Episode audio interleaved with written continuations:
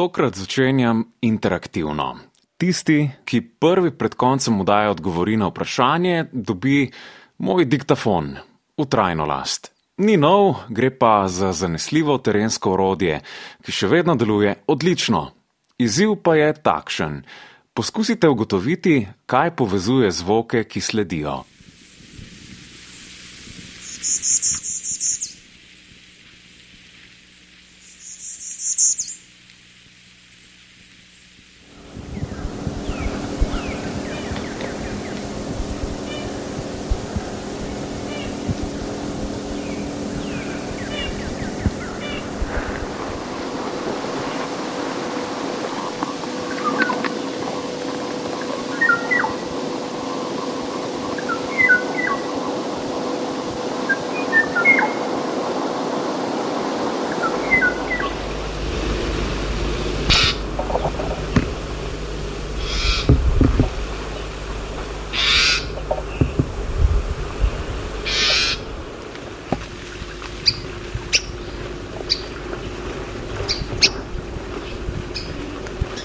Kaj povezuje slišano? Čas imate do mojega odgovora na koncu oddaje. Vsem, ki ste nad mojim vodom razočarani, se upravičujem. Vem, da vas je večina tukaj zaradi neozdravljive radovednosti. Verjetno pa sem bil dovolj jasen pri določitvi tokratnega azimuta. Od zvočnih spominov se že s prvim sogovornikom premikamo v svet zvokov narave. Jaz sem dr. Tomi Triller, zaposlen sem v Prirodoslovnem muzeju Slovenije, kjer sem vodja kustodijata za nevretenčarje, skrbim pa tudi za slovenski arhiv živalskih zvokov. Začetki bioakustike v Sloveniji segajo v 60. leta prejšnjega stoletja, ko je akademik profesor dr. Matija Gogala prvi shranil zvoke svojih eksperimentov in ti so danes digitalizirani, vključeni v omenjeno zbirko, ki je izjemnega pomena, saj je med drugim polna zvokov, ki jih ne bi mogli posneti prav nikjer druge na svetu. Ali ste vedeli, da ptice pojejo v narečjih? Tok navadna vrsta kot je ščenkovc ima eno oglašanje, ki mu Nemci rečejo Regan Call in smo mi uh, prevedli kot prošnja za dež. Uh, seveda, kadar to poje, ne pomeni, da bo dežval čez pet minut. Ampak je pa to oglašanje, uh, za katerega vemo, da ima različne dialekte po Evropi.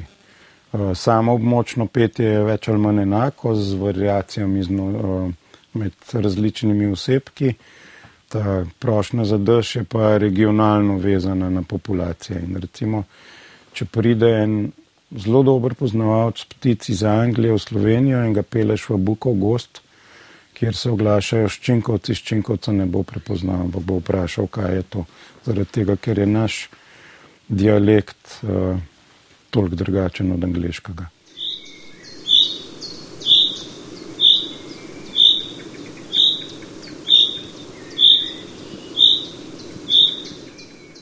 Posnetki pa so lahko dragoceni tudi zato, ker je neko žival tehnično izjemno težko posneti. Najtežje je pri nas sloka, velik izziv je divji petelin. Sloka je problem zaradi tega, ker uh, ko svetuje, let, samec leta v krogih in se oglaša tako, mm, mm, mm, mm, pa pa naredi en pisk uh, zelo visok.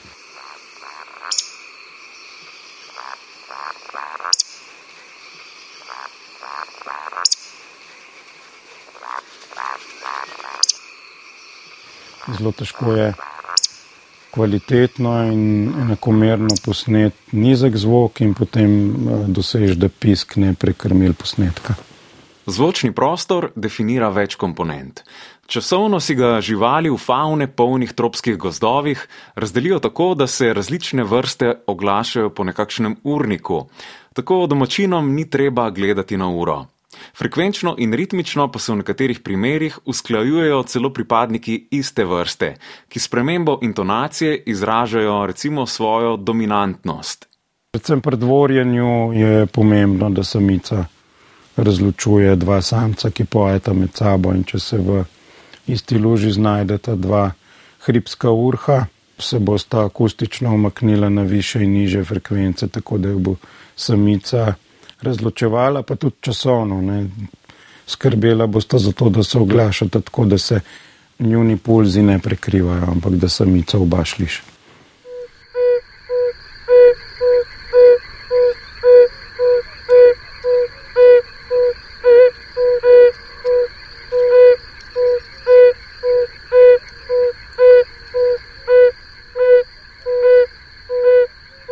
Za vsakega raziskovalca pa je verjetno najbolj uznemirljivo takrat, ko vidi ali pa v tem primeru prvič sliši dotedaj še neopisano žival. V arhivu so shranjeni zvoki najmanj 15 vrst kržadov, ki jih je naš laboratorij upisal. To so prvi posnetki vrste, na osnovi katerega smo ugotovili, da gre dejansko za novo zaznanost, če neopisano, neznano vrsto. Ne tako kot je za sam taksonomski del opisa pomembno, da imaš primerek in da je ta primerek ustrezno shranjen v muzejski zbirki, tako je tudi za zvok uh, potrebno, da je primerno opisan v znanstvenem članku in da je potem ustrezno shranjen in na razpolago drugim raziskovalcem v slovenskem arhivu živalskih zvokov. A to so sladke skrbi. Najprej treba opraviti terensko delo. Ja, jaz grem običajno na teren tako, da se poskušam pripraviti. Eh, danes je to precej lažje, ker je ogromno posnetkov eh, na internetu na eno vrsto, ki jo recimo v arhivu še nimamo posneto ali pa nimamo dobro posneto.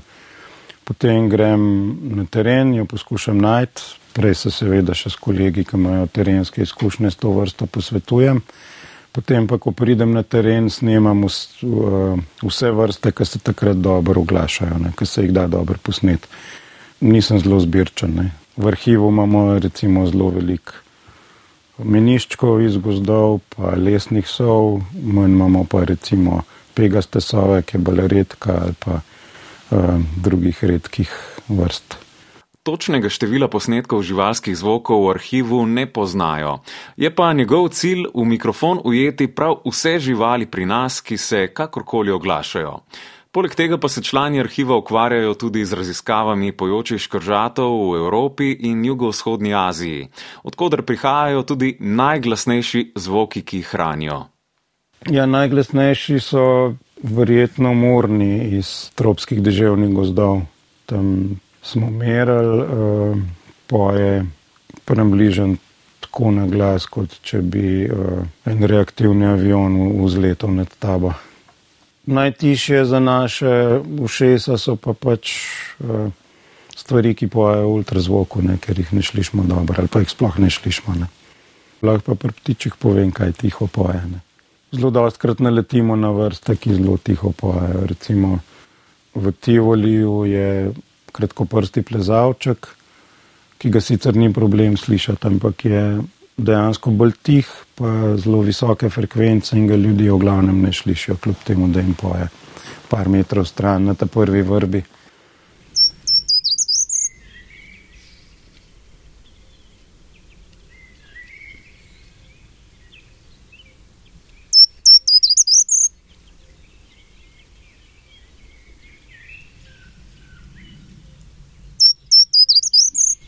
Ob omembi Tivolija so bila z dr. Trilarjem tako izklepčna, da morava pogovor nadaljevati med sprehodom, ob čemer mi je kmalo priznal, da njegovi pisarni najbližji teren ni najboljše raziskovalno oziroma snemalno okolje. Če kaj izjemnega, drugače pa rajš ne, je preveč frustrirajoče.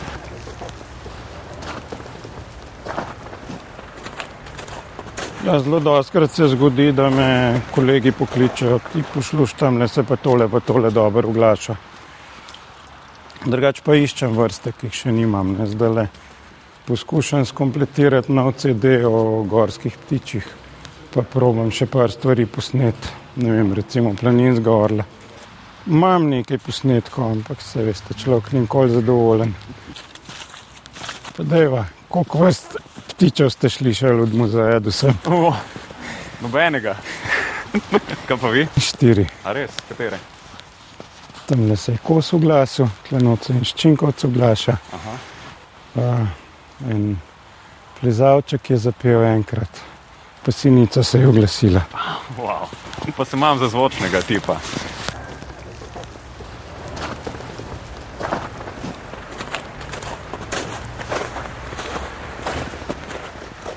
V takem habitatu bi hodil. Če bi šel pa snemat na gnezdo ali pa na eno pevsko mesto, potem bi se pa skril. Ja. Včasih moraš priti v temi noter, zato da te žval ne vidne. In potem, če greš po dnevu ven, pol po gruntu, da je bilo nekaj narobe. Ne? Se pravi, moraš ostati not do teme, pa je spet v temi ven. In polet le to traja. Ponavadi je tako, da se skozi kaj dogaja. Problem je, ko moraš iti na vece, takrat rata problem.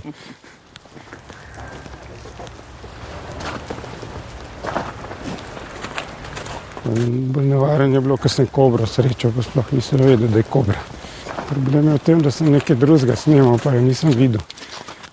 V džungli je zelo dostkrat tako, da je ogromno odmevov. Ne? In včasih, ko imaš slušalke gor in iščeš z mikrofonom, najdeš dober signal, pa v bistvu odmev. In je zelo fino, če imaš koga sabo, pa ti pokaže, da tisto, kar ti snimaš, je v drugo smer. No, tle pa malo bolj živo. In sinice, evo, velika sinica, tam so liščki.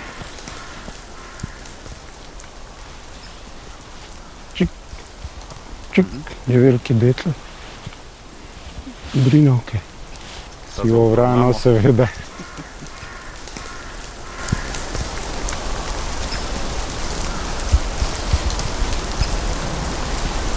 svojimi posnetki dr. Tomi Trilar ne polni le slovenske zbirke živalskih zvokov. Slišite jih lahko celo v umetniških kompozicijah.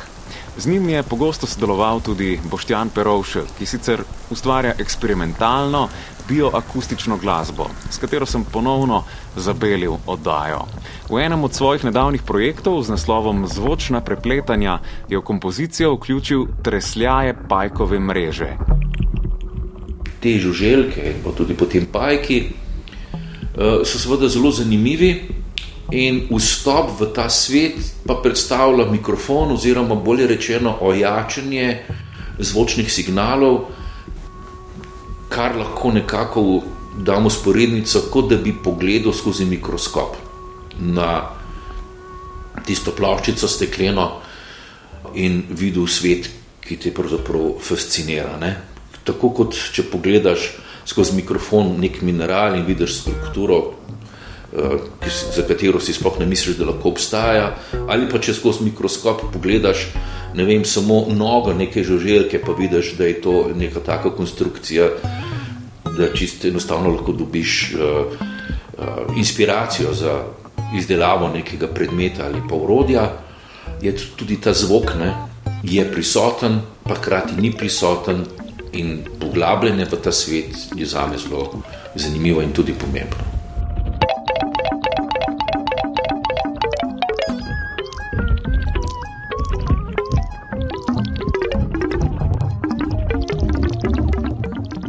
Nekdo, ki se veliko poglablja v zvok, pa gotovo sliši tudi spremembe, ki jih v zvočne krajine prinaša človek. Upažam intenzivnost uh, Vse, kar se dogaja, se dogaja z večjo intenzivnostjo. Kar pa seveda hodi z roko v roki tudi uh, človeško aktivnostjo. Ne? Tudi človek kot bitje je intenziviral uh, svoje dejavnosti in svoje dejanje zelo močno. Sicer pa pogledajte, tudi uh, zlasti mlajše generacije so podvržene temu, da morajo biti vse čas nekako pod. Uh, presijo informacij in pa nasplošno gledano držljajo. Če ni dovolj držljajo, se enostavno ne znajo več obnašati, ker je to postal način uh, komuniciranja in pa obnašanja. Ne? Se pravi, ta intenzivnost uh, je seveda prevedika in uh, ne znamo se ne spočiti, ne komunicirati zaradi te intenzivnosti. Okolje okoli nas se pa seveda prilagaja na našo čudno obnašanje, na našo čudno intenzivnost, seveda tudi okolje zaradi tega postaja toliko bolj intenzivno in to se seveda vidi. Človeška intenzivnost po vsem svetu pa je bila nedavno zaustavljena in to z ročno zavoro. Po praznih ulicah so se ponovno razlili zvoki narave, ki jih ponavadi odnese reka mestnega hrupa. Boštjan Perovšek je takrat posnel zvočno serijo koronskih noči v Ljubljani. V tem času korone um, sem šel na Petkovškovo nabrežje uh, na sprehod in hkrati vzel sabo tudi mikrofon, čisto obremenjujoče za me, ne, seveda. Uh, in sem ugotovil, da je občutek približno isti kot med tednom pred 40 leti. Ne? Ampak to je bila sobota do povdne, ko je ponovadi totalen hrup okrog uh, tega Petkovškovega nabrežja, na uh, drugi strani Ljubljanice je seveda tržnica, ljudje hodijo tja, intenzivnost je zelo velika. No, takrat pa te intenzivnosti ni bilo in se je slišalo precej, precej stvari, ki so šle skoraj da že v pozabo. Podobno se je zgodilo tudi uh, na kongresnem trgu, kjer je bil odor tega naravnega zvoka veliko bolj intenziven. Imel si skoraj občutek, da se okolje hoče spočiti od uh, človeške aktivnosti in si slišal marsikaj, celo tiste zastave na novih drogovih, si slišal uh, kar na precej deset metrov daleč.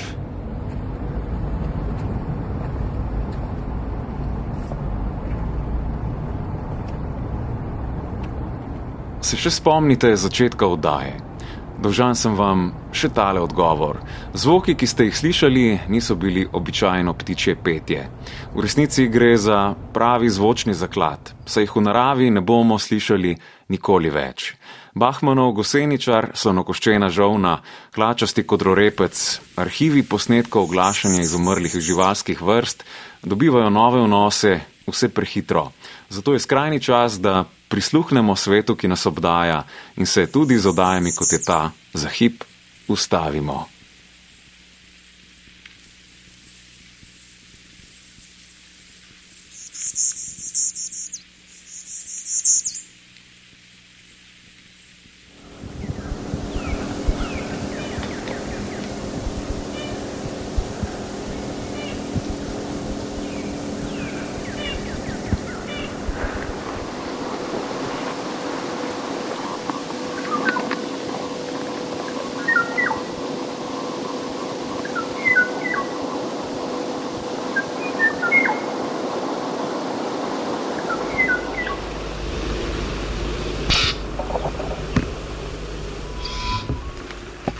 Tampier sofinancira ustvarjalna Evropa.